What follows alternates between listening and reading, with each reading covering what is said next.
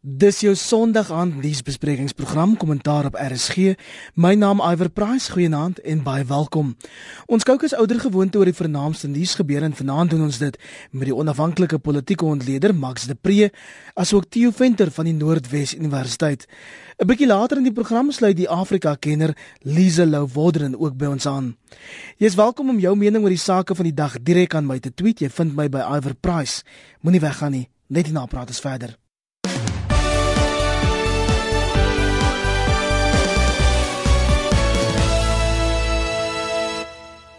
Kollegas heelwat berigte vanaand oor gister se Menseregte Dag vieringe, onder andere die 30ste herdenking van die Uitenhaag bloedbad toe die polisie 19 mense op 21 Maart 1985 doodgeskiet het tydens 'n begrafnisprosesie en dan was dit ook 55 jaar sedert Sharpeville wat baie baie mense se lewens geëis het. Max, heelwat mense nogal skepties op Menseregte Dag wat voel ons kan dit nie in Suid-Afrika vier nie want daar's soveel vergrype nog elke dag. Ja, ek moet sê Menseregte Dag in Suid-Afrika is bietjie van 'n teenstrydigheid. Uh, ons kan nou praat van Uitenhaag en ons kan praat van Sharpeville, maar ons moet dan seker praat van uh, Andrius Tatane en ons moet praat van Marikana ook. Ek dink in die breë gesien moet ons sê menswaardigheid van ons mense het drasties verbeter sedert 1994. Hoef hoef daarom nou nie meer dompasse te dra nie behalwe in Woester, maar die heiligheid van die mens se lewe is nie veel beter as die tydens die apartheid era nie. Gister was natuurlik in 'n bietjie 'n ander kleed ook uh die dood van Colin Shabane en gaan my uh, verstand 'n bietjie te bowe die die soort van want daai was 'n minister in die kabinet, maar die die die die aanwending van gister wat 'n wat menseregte dag was, is eintlik oorskadu deur die president se optrede by by sy begrafnis wat natuurlik met waardigheid gedoen is, maar dit het so die ding so 'n bietjie anders ingeklee en en dan natuurlik menseregte en menseregte dag het natuurlik ook sy simboliese kant en ons is seker net nou bietjie oor roads praat en sulke soort van dinge en en en selfs my my eie universiteit waarna ek verbonde is die goeders raak eintlik almal aan mekaar en ehm um, ek dink maak jy die regte woord gebruik ek gaan nie oor menseregte dag nie, dit gaan oor menswaardigheidsdag en ek dink as ons in daai rigting beweeg, gaan ons dalk iets bereik. Gister was toevallig ook UNESCO se internasionale dag vir die verwydering van rassediskriminasie, Max.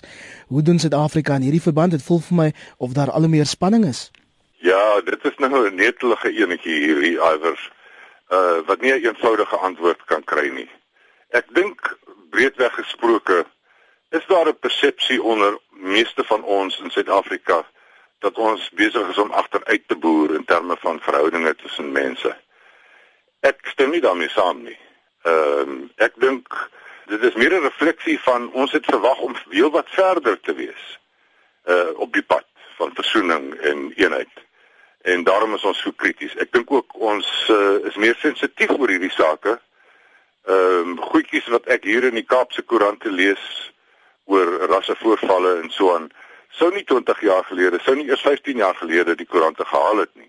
So ek dink ons ons verwagtinge is baie hoër en daarom dink ons dit gaan sleg hier by ons. Wat wel aan gebeur is, dink ek, is dat op 'n persoonlike vlak, op in ons woonbuurte, in die werkplekke, in die kantore, in die raadsale, in die sportstadiums, op universiteite, gaan dit met ons baie beter een op een. Ons kom oor die weg, ons respekteer mekaar nie meer min of meer.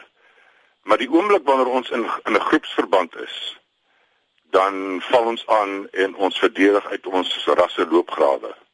Ek dink dis die probleem wat ons nog 'n lang ruk meer gaan sien. Ons het nou weer op uh, Universiteit van Kaapstad se kampus gesien waar 'n legitieme soort van beswaar nou weer sommer skielik sterk rasse uh kleur begin kry. So ja, baie werk voor voor om te doen. Ehm um, maar ek dink nie ons moet swartgallig raak nie. Ons ons is stadig aan besig om ons pad te stap na respek vir mekaar.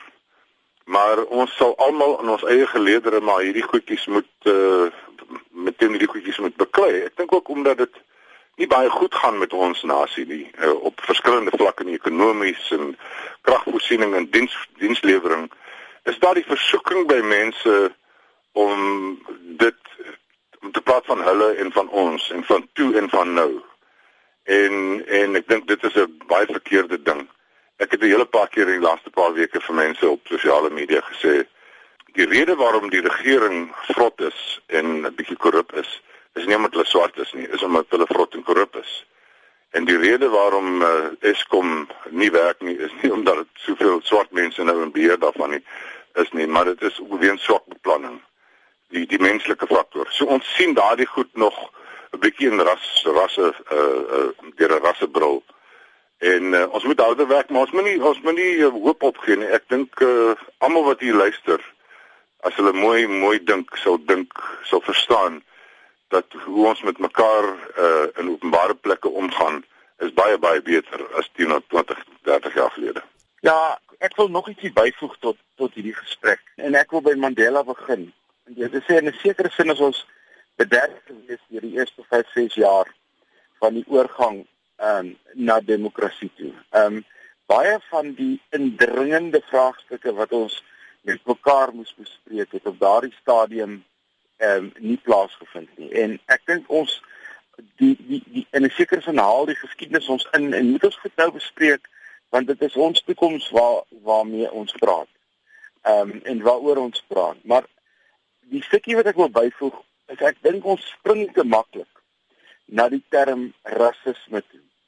Baie van waarmee ons te doen het, het te doen met stereotypes en dit het te doen met ons en hulle soos wat Max aangedui het. Maar rasisme het 'n baie eksklusiewe soort definisie en dit is waar die verhouding tussen twee groepe 'n baie sterk hiërargiese karakter het. Met ander woorde, ek is beter as jy. Nie ek is anders as jy nie. Die andersheid, dit is stereotypes, dis etniese verskeidenheid, dit kom wêreldwyd voor. Dit is bestuurbare goeders, maar die oomblik wat daardie meerderwaardigheidsdimensie in 'n gesprek na vore kom of in 'n optrede of in 'n verwysing of in 'n kritiek, dan begin ons in die in die omgewing van rasisme inbeweeg. Dit is ongelooflik moeilik om te hanteer want ehm um, as daar 'n meerderwaardigheid is, dan moet daar aan daardie verhouding ook 'n minderwaardigheid wees. En dan moet eintlik aan albei kante gewerk word. Ons beweeg nou na Amok by twee van die land se voorste universiteite. In Kaapstad het die EFF-leier Julius Malema ook nou sy steun toegesê aan studente wat eis dat die standbeeld van Cecil John Rhodes op die kampus van die Universiteit van Kaapstad verwyder word. Studente het die administrasiegebou beset nadat die fisiekanselier nie aan hulle 'n datum kon verskaf oor wanneer die standbeeld verwyder gaan word nie. Rhodes was 'n Britse kolonialis, 'n mynmagnaat en 'n politikus in Suid-Afrika, maar Max het daarom ook die grond geskenk waarop daai universiteit gebou is. Hy het dus my totaal irrelevante feit om te verskaf. Ek sien hoeveel mense praat daarvan en sê, "Ja, hoe kan ons nou ondankbaar wees? Dis die man hy die grond geskenk. As Hendrik verwoord grond geskenk het en hy het net nie soos Rhodes genoeg gesteel om te kan weggee nie." sou ons dan nou ook die die naam in die standbeeld van Hendrik Verwoerd uh, moes respekteer ergens prominent op 'n kampus.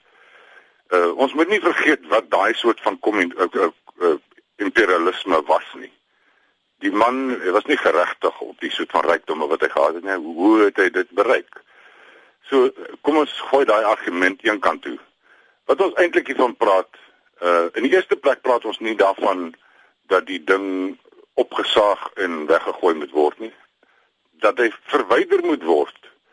Uh is die is die eis verwyder moet word van 'n totaal dominerende posisie op die kampus. Ek meen dit is die jy kan nie na die hoofgeboue toe gaan daar by die mooi trappe wat almal op die foto's gesien het sonder om met met oog tot oog met Cecil John Rhodes te kom. En dit skep die indruk by studente dat die gees van imperialisme, kolonialisme, wit oorheersing nog wakker is daar. So dit is suiwer oor die simboliek daarvan. Ek staan baie simpatiek daaroor. Ek het laasweek geskryf dat ek het al oor die jare is dit nie dekades is nie. Omdat ek baie werk in die Nasionale Biblioteek in die Kaap, my navorsing en historiese navorsing, loop ek elke keer by Cecil John Rhodes se standbeeld in die tuine verby. En ek het nog nooit nie stil gestaan en die man saggies gevloek nie. Ons moet nie dink dat om 'n standbeeld te, te bou van iemand of iemand 'n gebou na iemand of 'n dorp na iemand te vernoem was om die geskiedenis te dokumenteer nie. Dit is mos twak. Ons bou 'n standbeeld vir 'n ou om hom te vereer. En ons moenie in 2015 nog vir mense so Cecil John Rhodes vereer nie. Ons moet ook nie vergeet dat hy bestaan het nie. Ons moet daardie standbeeld net op 'n ander plek gaan sit, kontekstualiseer. Maar ons moet 'n bietjie meer sensitief wees vir jong studente, jong swart studente wat daar loop en onseker voel op 'n instelling wat wit en Engels was sy hele bestaan, baie elitisties was. En hier kom jong mense uit die platteland uit, swart swart mense uit die ou tuislande uit en hulle loop daar rond en hulle voel onseker en hulle kyk om hulle in die simboliek Cecil John Rhodes en en Leander Starr Jameson. En ek dink ons moet dit verstaan. Ek dink wat nou die probleem gaan word is dat hierdie studente gaan die dam onder die eend uitdruk en sê ons wil dit verwoes en ons wil dit nou verwoes hê. Die die rektor uh, Max Price is is 'n baie verstandige man, 'n man wat ek baie respek vir het. Hy sê Ja, ek my eie gevoel is die die posisie van hierdie standbeeld is te prominent, is die, die verkeerde boodskap. Ons moet praat daaroor of ons moet verwyder en waar ons moet sit. Maar ons moet almal hier oop praat.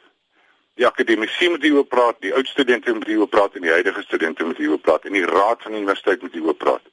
En voordat dit nie gedoen het nie, kan ons nie beweeg nie. En die studente het nou dit het nou 'n groot politieke kwessie geword en hulle sê ons wil 'n datum hê Ons 500 wat hier betoog het nou besluit namens die die hele gemeenskap wat moet gebeur en wanneer dit moet gebeur.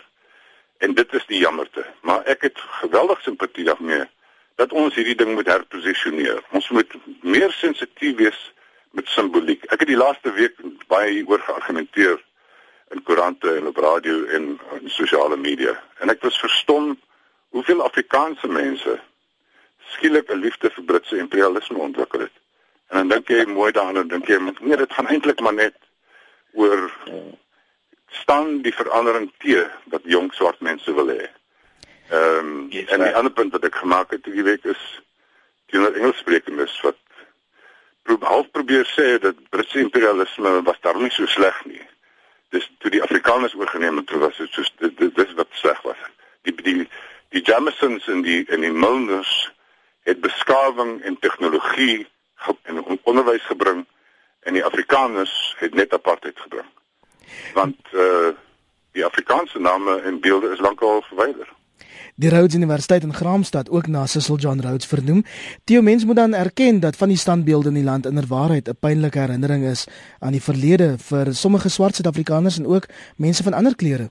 Ja, maar ek dink daai simboliek sny na baie kante toe en hier aan die einde het Max geraak op die punt wat ek eintlik wil beklemtoon en wat Max prys ook gedoen het. Kyk, um, ehm, UCT is een van ons beste universiteite. Op alle rangorde en hoe dit ook al gemeet word, een van ons bestes, maar hy hy reflekteer presies wat by al die ander universiteite in die land ook in die gang is en dit is dat daar 'n groot spanning en 'n verdeling is tussen die studentekorps en die personeelkorps. Studente in Suid-Afrika besef nie altyd hoe moeilik dit is om akademici aan te stel en te behou in terme van salarisse wat nie regtig kompeterend is met 'n klomp ander goed nie. So nou sien jy in universiteite dat Rhodes uh, word word versinnebeeld ehm um, uh, of hy versinnebeeld die simboliek van ander goeders wat ook raak gesien word en en en die belangrike punt dink ek wat gemaak moet word ehm um, is dat wat nodig is wanneer jy so opwelling kry is om 'n stewige proses daar te stel en UCT kan dit doen en ander universiteite kan volg as UCT dit reg doen. Dit is luister na almal, oorweeg al die faktore en neem net 'n sinvolle besluit. Maar as jy gaan reageer op 'n soort terugskop reaksie, 'n soort knee jerk om te sê nee, ons raak nie hier aan nie of ja, kom ons vat dit weg Dis nie die antwoord nie, want dit is nie 'n volhoubare antwoord nie, maar 'n proses oordentlik um, ontwerp en wat almal mee praat gaan uiteindelik oor die langer duur vir die volhoubare antwoord gee en dit is nie wat ek het nogal um, so half tongetjies gewonder dis eintlik verbaasend met wat Cecil John Rhodes aan die aan die ou boere republieke gedoen het um 110 120 jaar gelede dat sy standbeeld nie in 48 al verander het nie. Maar lyk my dit was toe nou nie so belangrik geweest om dit te doen nie. Maar ja, Max is reg. Uh ons is in Suid-Afrika op 'n baie baie interessante punt en dit sny dit sny terug na ons eerste gesprekkie oor rasisme en stereotypes. Dat baie van dit wat ons beleef in die land oor hierdie groot issues het meer kere te doen met weerstand teen verandering of die noodsaak vir verandering en waar jy jouself in 'n groep bevind as die werklike uh, issue waaroor ons praat. Dit laat mense natuurlik wonder oor die ander standbeelde onder andere Julius Malema wat nou gesê die standbeeld van Louis Botha die eerste eerste minister van die voormalige Unie van Suid-Afrika wat daar by die ingang van die parlement staan en hy sê dit moet nou ook verwyder word Max. Ja, en dit is daarom ook nie so maklik nie. Ons, ons kan nie net sê omdat ons nou vir Cecil John Rhodes van 'n uh, bevoordeelde dominerende posisie op UCT verwyder het. Nou moet al die ander goed volg nie en dan dan kom ons nader aan by Jan Smuts daar in Adderley Straat en so aan. En en so met die een na die ander volg. El, elkeen het sy eie meriete en en so Steve mooi gesê het vir al op universiteite moet ons daarom baie meer rasioneel en en billik optree. Maar nie huiwer om te verander nie dit is nie 'n maklike kwessie nie. Byvoorbeeld ek ek staan baie duidelik in die openbaar daarvoor dat ek hou van simbole en en is my belangrik en ek wil graag sien dat party van hulle verander. Maar ek sal byvoorbeeld beswaar maak as jy vir my sê jy wil Paul Creer uh se standbeeld wegvat. En en daar is geweldig baie swart mense wat wat dink dit hulle vind dit aanstootlik. En daarom kan ons ook Paul Creer byvoorbeeld of ook Kostery of sulke mense kan ons 'n gesprek voer en ek kan hulle probeer oortuig hoekom dit anders is as Cecil John Rhodes.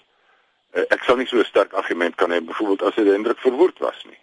As wat ek het so so so gehad het as dit Paul Creer was nie. So ja, ons is nou gaan nou seker in 'n era in van simbole wat weer moet verander. En ons moet ook probeer verstaan wat dit beteken. Wat sit daar agter?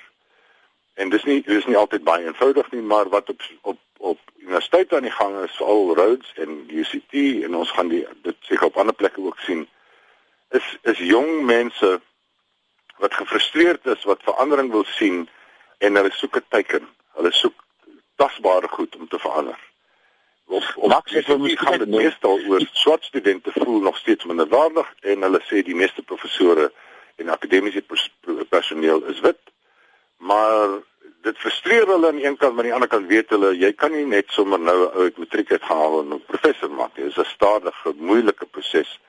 Soos Gaston Marshall die die die kanselier uh, laasweek gesê het, die jong mense moet onthou die soort onderopvoeding en onderwys wat jy kry is belangriker as wie dit vir jou gee. Ehm um, so dis cool kop hou, maar nou kan jy verwag mense soos uh, Julius Malema gaan inspring want dit is wat hy die graagste doen en dis wat hy die beste doen. Hy sien 'n gaping en hy vat hom. So ek dink ons gaan uh heelwat sit met goed soos Louis Botha uh en ander standbeelde Jan Smuts en plekname uh in die David kom en ons moet koelkop hou en verstaan waar dit vandaan kom en mooi daaroor neer. Ek sou self ook sê uh miskien is dit nie heeltemal so 'n goeie idee vir Louis Botha om die hele parlementêre aansig te domineer nie maar uh, dis daarom nie heeltemal dieselfde as Cecil John Rose nie. Miskien kan Louis Botha gekontekstualiseer word met iets anders, maar ons kan daaroor gesels. Ons maak dit kan wurms ook oor die ding want daar is 'n ander kant ook. Ek het so ruk gelede 'n besoek afgelê by 'n paar van die historiese swart universiteite en uh, dit is vir my ongelooflik hoeveel simbole van die ou Duitsland bedeling in sommige van die swart uh historiese swart universiteite daar nog oor is in die vorm van standbeelde en al sulke dinge en dit is asof dit by ons verbygaan. So 'n ja. mens moet wanneer die debat behoorlike uh, openbare debat is, moet 'n mens moet 'n mens 'n uh, soort van 'n oorwoe siening neem. Die koningin is op 'n paar plekke. Daar's verskillende konings. 'n Mens moet 'n mens moet die 'n mens moet probeer om te kyk dat jy 'n Max Price het 'n fisieke oulike uitdrukking gebruik um, toe hulle met hulle onderhoud gevoer het oor hierdie goed sê you can't airbrush history. In ander woorde moenie moenie soos die soos ou Stalin gemaak het elke keer as jy in in ongun verval het in die ou Sowjetunie dan dat jy jou foto 'n historiese foto gaan regmaak net om jou uit te haal. Mense mense doen jouself 'n oneer aan as jy dit doen. Ek dink 'n mens moet ook oor na die geskiedenis kyk en gebalanseerd daaroor daaroor wees en en ook die mense wat minderhede is of die mense wat hulle self as minderhede voel in hierdie proses ook 'n um, uh, klein bietjie bietjie na luister en 'n rol gee want dit is wanneer sekere segmente in die samelewing voel hulle word nie meer gehoor nie waar jy 'n radikalisering kry en en dit bring my terug by ons eerste gesprek Uh Menseregte Dag die 21ste was eintlik Sharpeville Dag in die ou dae. Dit was 'n dag waaraan die ou PAC hulle baie sterk gekoppel het. En die PAC het 'n spesiale rol in Suid-Afrika gespeel en dit het gegaan oor oor oor oor swart ehm um, waardigheid, black dignity, swart bewussyn. En op 'n manier het die huidige regering, die ANC, daardie ehm um, dimensie van 'n politieke tradisie heeltemal weggeraap, weggeneem en iets anders daarmee gedoen. En mense moet daaraan ook dink dat daar sulke soort mense in Suid-Afrika is wat voel wat het van ons bydra geword? Ons beweeg nou na die Noordwes Universiteit waar die raad môre sal aankondig of die kontrak van die rektor van die universiteit se Potchefstroom kampus verleng gaan word of nie. Die raad het in November 2013 aangekondig dat die rektor Herman van Skalkwyk se kontrak tot 2016 verleng sal word. Daar's nou verskillende regsmenings oor die saak. Max, kom ons begin by jou. Hoekom is dit 'n bron van soveel twis dat die Afrikaanse koerante hier in die noorde omtrent oorheers hierdie week? Ja, daar sal ek nou uh, by ons vriend winter met kers opsteek. Eh, ek het self natuurlik 'n verbintenis met die Universiteit van Noordwes. Ek is soort van 'n buitengewone professor daar, so dis goed raak my. En die temperatuur van die debatte pla my 'n bietjie. Uh en ek wil half vir Afriforum in solidariteit ook sê hulle die temperatuur nou te hoog aangedraai daar. Ehm uh, want nou rede word ook nou sommer by die venster uitgegooi en dit is ons is besig om groepe op mekaar te jag en warm te maak vir mekaar. Uh, en dan moet uh, dan moet 'n makliker manier wees om om die Noordwes Universiteit se probleme uh, uit te stryk. Op die op die oppervlak vir my is maak dit baie sin dat die universiteit uh as een gesien moet word want ons weet nou daar's die drie verskillende kampusse met uh kleur variante. Uh Mafikeng is swarter en en en Potchefstroom is witter. En 'n poging om te sê ons wil nie 'n wit kampus hê met twee satelliet swart twee swart satellietkampusse nie, maar ons wil 'n een eenheid hê. Um, klink vir my geloofwaardig nou ek ek, ek, dink nie enigiemand moet dit probeer teëgaan nie. Maar wat dit in die praktyk gaan gaan beteken, daarvan is ek nie seker nie.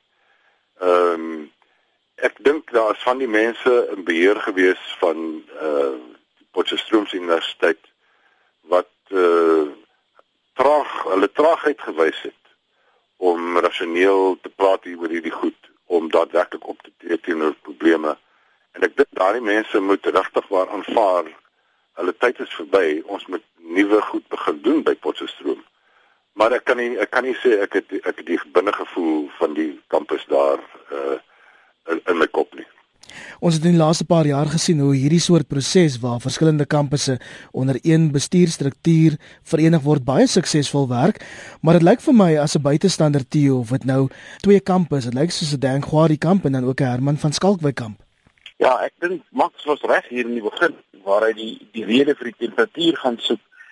Ek ek ook kortliks opsom. Ehm um, die die die posisie van Herman van Skalkwyk sal waarskynlik in die volgende dag of twee ontplooi. Dit is iets wat 'n 'n persoonlike ooreenkoms is tussen hom en die raad en wat uh, tussen hom en die raad nou uitgesorteer gaan word. Daar was 'n daar was 'n soort aanduiding dat hy dat dat, dat sy kontrak verleng sou word tot en met dat dit so lank duur as die van Dan Gwadi. Maar daardie besluit wat die raad geneem het is volgens regsmening nie uh, 'n uh, wettige besluit gewees nie. So daar daar moet ons nou 'n bietjie wag vir die proses en wat individue by betrokke is met die mense dit maar respekteer. Maar die die die ander kwessie kan 'n mens vrylik oor praat. Kyk, die stigting van Noordwes Universiteit ehm um, het plaasgevind en in die statuut staan een universiteit met drie kampusse, maar in die eerste 10 jaar dink ek is daar baie meer klem gelê op die samestellende eenhede as op die eenheid self.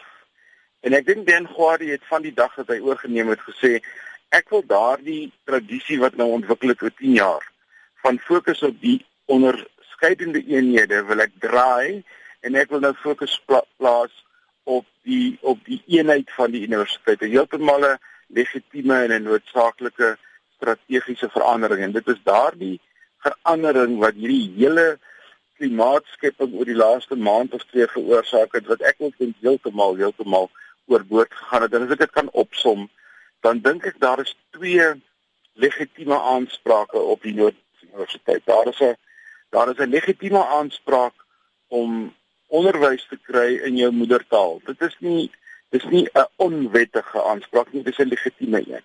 Maar daar is net so legitieme aanspraak op transformasie dat daar verandering moet plaasvind. Die groot verskil tussen Afriforum en solidariteit en 'n klomp van die ouens wat daaroor praat, is die klein woordjie en. So eenvoudig soos en. Hulle sê dat as jy begin met transformasie, gaan die taal noodwendig sneuwel.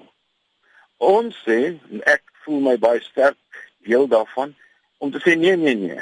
Albei daai aansprake is wettig en jy moet beide doen. Jy kan nie die een doen sonder die ander nie. En as jy kan jy jou transformasie verpligtinge nakom wat alle universiteite in Suid-Afrika het en ons het net nou oor UCT gepraat wat nou ook wys dat hy sy komponente het en onthou nou Max Price het begin met 'n transformasiemodel waar hy gesê het ek wil die inname van die universiteit nie meer op ras doen nie. Ek wil dit nou doen op die samelewingsgelaagdheid. Ek wil kreatief 'n ander manier kry om mense by die universiteit betrokke te kry wat nie daar uitkom nie. En dit dink ek is nie dit het seker is 'n aanleiding gegee tot die feit dat so John Rhodes ook nou weer so hoog in die, in die vuur is. Nou by ons gaan dit daaroor dat ons moet beide doen. Ons moet ons moet kyk hoe kan ons mense se aansprake op taal trou met die noodsaak van verandering.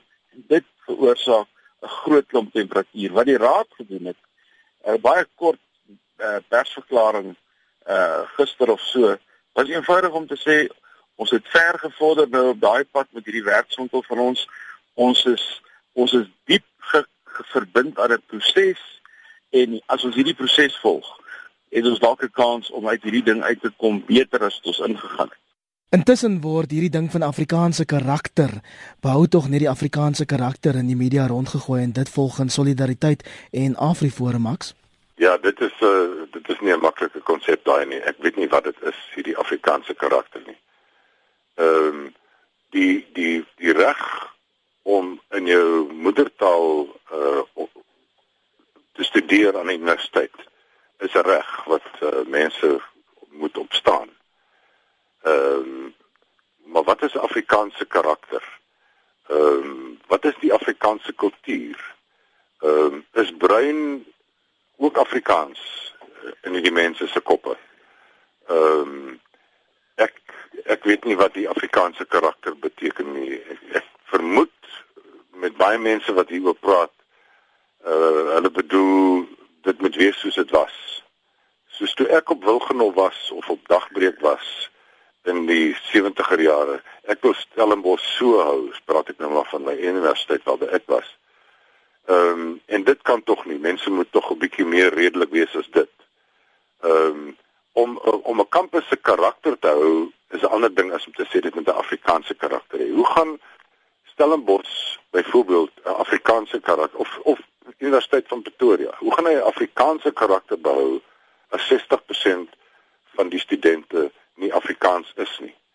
Ehm um, ek dink regtig waar ons moet ons moet dieper nadink oor hierdie ding en sê elkeen van ons wat ons hieroor uitspreek sê kom ons wees nou redelik. Kom ons kyk ons sit in in 2015. Kom ons kyk na die politieke klimaat in ons land. En kom ons wees redelik. Ons gee en ons neem en ons eis en ons gee toe. Ons moet hieroor onderhandel. Maar Afrikaanse karakter is iets wat ek dink hoorsou grootliks misbruik word vir ander doeleinde. Dis kodetaal Max en jy sit hom al reg deur dit te bevraagteken.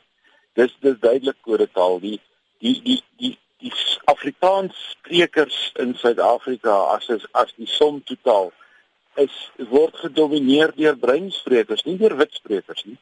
En en as jy nou hierdie goeders begin gebruik, dan moet jy in sekere sin die kodetaal ontsyfer. En as jy die kodetaal ontsyfer, dan word dit vuurwarm.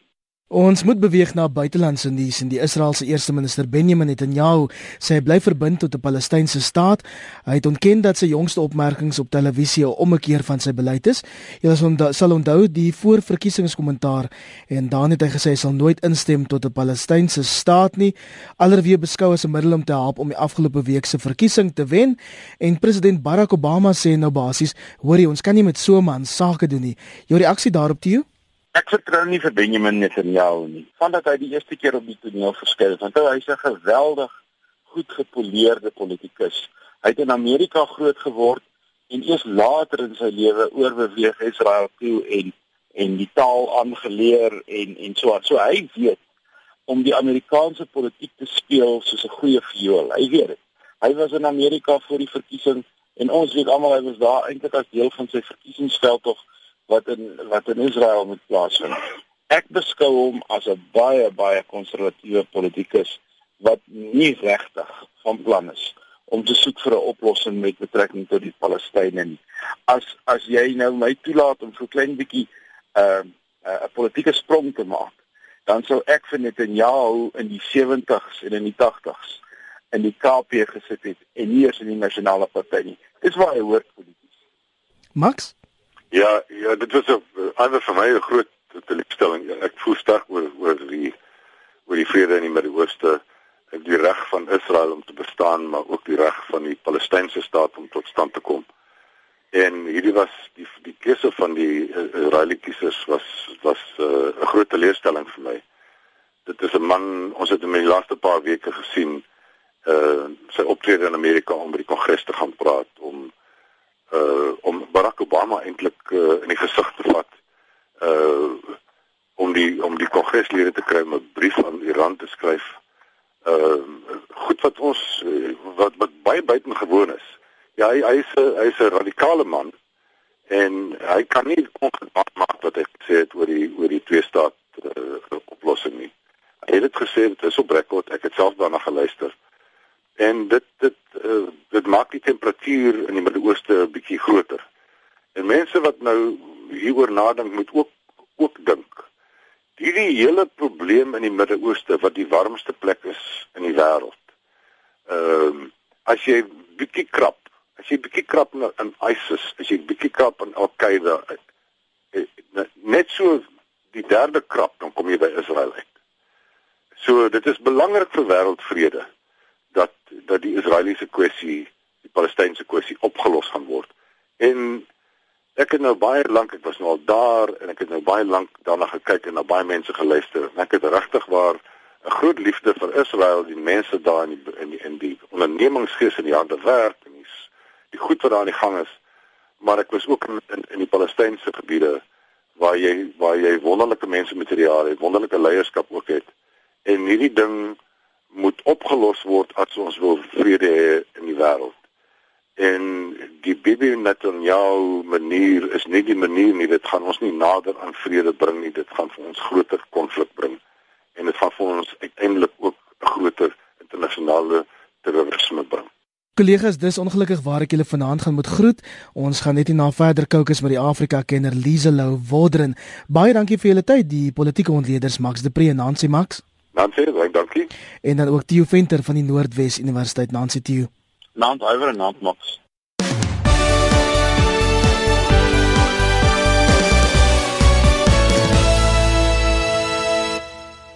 Liesel, kom ons praat oor van dese week se terreuraanval op Tunesië, 'n museum daar waarin ten minste 23 mense dood is onder wie die meerderheid buitelandse toeriste, een Suid-Afrikaner ook in die aanval gewond. Dis nogal 'n skok want um, Tunesië het in die laaste paar jaar heelwat internasionale toeriste gelok. Dit is so ehm um, iwer Tunesië is eintlik die Noord-Afrika land wat die meeste ehm um, toeriste gekry het in terme van ehm um, ek kan amper sê laagkoste toeriste uit Europa en dan soos jy sê die plesierbote wat daar aandoen dis 'n wonderlike mooi stad Tunis en daar's ook ou Romeinse ehm um, uh argeologiese opgrawings. Ek self het al baie van daai um plekke besoek daar net aan die buitewyke van Tunis eintlik en en die mooi museum soos waar die aanval nou plaasgevind het. En nou het hierdie um plesierbote het nou natuurlik hulle um reise na Tunis gekanselleer wat 'n baie ernstige slag is vir die um toerismebedryf in Tunesië wat omtrent 20% van die ekonomie verteenwoordig. In die verlede voor die Arabiese lente van 2011 was omtrent 7 miljoen um, en meer toeriste na uh, uh Tunis per jaar. En dis nou goed hulle kry nog steeds baie toerisme net onder 6 miljoen maar 'n miljoen minder mense gaan nou na Tunis en na hierdie aanval Woensdag ehm um, jy weet vrese mens dat dit nog steeds die ekonomie jy weet en die, en die en die toerisme bedrywe groot nou gaan gee. En dit het alles 'n impak op die politiek van die land en die stabiliteit want ehm um, wanneer daar nie ekonomiese groei is nie en jong mense voel hulle kry nie werk nie in so absolute gespanne atmosfeer waar daar 3000 Tunisiërs in die laaste tyd uh, die islamitiese staat in uh, Irak en Sirië by hulle aangesluit het. Ehm um, jy weet dit het alles 'n sneeubal effek op die politieke uh, stabiliteit waar waar daar is dan word dit ook uh uh um kan ek amper sê um 'n uh, 'n plek waar die ter terroriste groepe um mense kan werf en en jong mense kan werf. Die Islamitiese staat het in 'n verklaring gesê dit is maar net die eerste druppels reën wat begin val het. Dis nog al 'n 'n hoendervleis um, beeld daarin. Mens wonder hoekom ja. juist Tunesië? Tunesië het was redelik stabiel nou sedert 2011 in die Arabiese lente. Mense sal onthou dit is waar die Arabiese lente eintlik begin het in Desember 2010. Dit was die eerste land waar oud president Ben Ali verdryf is. Maar Tunesië is net langs ehm um, Libië wat nou absoluut 'n uh, uh, ehm um, gefaalde uh, staat is basies daar mens weet nie wie is aan bewind nie daar's twee regerings die een in Tobruk die een in uh, Tripoli. Daar's ongelooflik baie wapens ehm um, na die val van Gaddafi het die land basies in duie gestort en die Islamitiese staat het nou daar ehm um, 'n vaste plek gekry en ook homself daar gevestig. Maar goed, uh die Amerikaanse intelligensiedienste en so mense sê dit is nog nie bewys dat die Islamitiese staat ehm um, direk verantwoordelik is vir hierdie aanval nie, maar vir hulle is dit goeie propaganda. Die probleem met hierdie groepe wat ons ook kry in Boko Haram in Nigerië is ehm um, hulle is so versplinter, mens weet later nie of daar een of ander sentrale beheer is nie en dan word verantwoordelikheid geneem vir aanvalle, maar dit kan dalk 'n splintergroep wees. En nou, soos jy sê, dit dit, dit gee mens koue rillings die feit dat die Al-Qaeda groepe en die Islamitiese staat nou amper meeding um, in in die in die terreur dis nou die aanval wat ons nou in Jemen gesien het Vrydag waar Al-Qaeda ook um, gebaseer is. Nou sê die Islamitiese staat hulle het hierdie dit was 'n baie vrede aanval um, op twee moskeeë in Jemen Vrydag. Um, 137 mense is dood.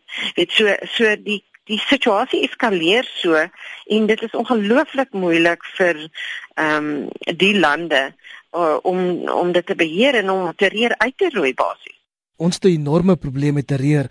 Mense uh, ja. sien omtrent elke tweede dag 'n nuwe aanval met 'n nuwe syfer, jy weet, en en dis vir een dag in die nuus 137 mense dood, 260 beseer. Die volgende dag nog 'n voorval as 'n mens op een of ander stadium daai syfers gaan begin optel. Ek vermoed ons gaan nogal skrik daaroor. Ja, absoluut. Jy weet Hunting het voorspel die clash of civilizations en dat daar nou ehm um, die moslim lande teen die res van die wêreld in die westerse wêreld gaan 'n uh, groot wêreldkonflik weer, 'n wêreldoorlog gaan bestaan. Maar in hierdie stadium is die die groot die teken van die terreur is meestal moslimlande of moslimgebiede in soos in die noorde van Nigerië. En gematigd moslims staan op teen hierdie terreur en die wêreld staan saam die weste en die Midde-Oosterse lande wat gekant is teen terreur. So daai clash of civilizations vind nie plaas nie of kan nie plaasvind solank uh jy weet die regerings in plek in die lande ehm uh, daarteen gekant is. Ehm um, ek meen dit is 'n baie komplekse spel die Sunnis en die uh, Shiite in die in die Midde-Ooste ehm um, en wie betrokke is Saudi-Arabië, Iran ensovoorts. Maar op 'n as mens nou net kyk na die groter prentjie, ehm um, dit maak mens baie bang dat daar so baie terreuraanvalle is regoor.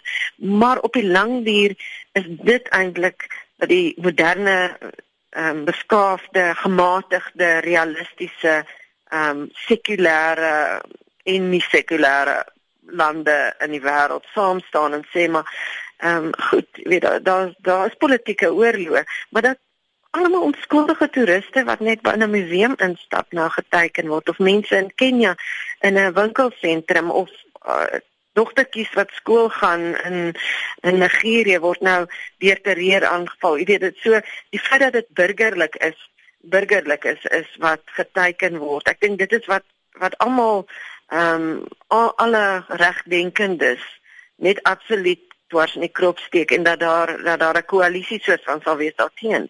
Dis ongelukkig al waarvoor ons tyd het vanaand op kommentaar. Baie dankie vir jou tyd. Liesel Lou, Wodren Afrika kenner. Baie dankie Liesel. Groot plesier.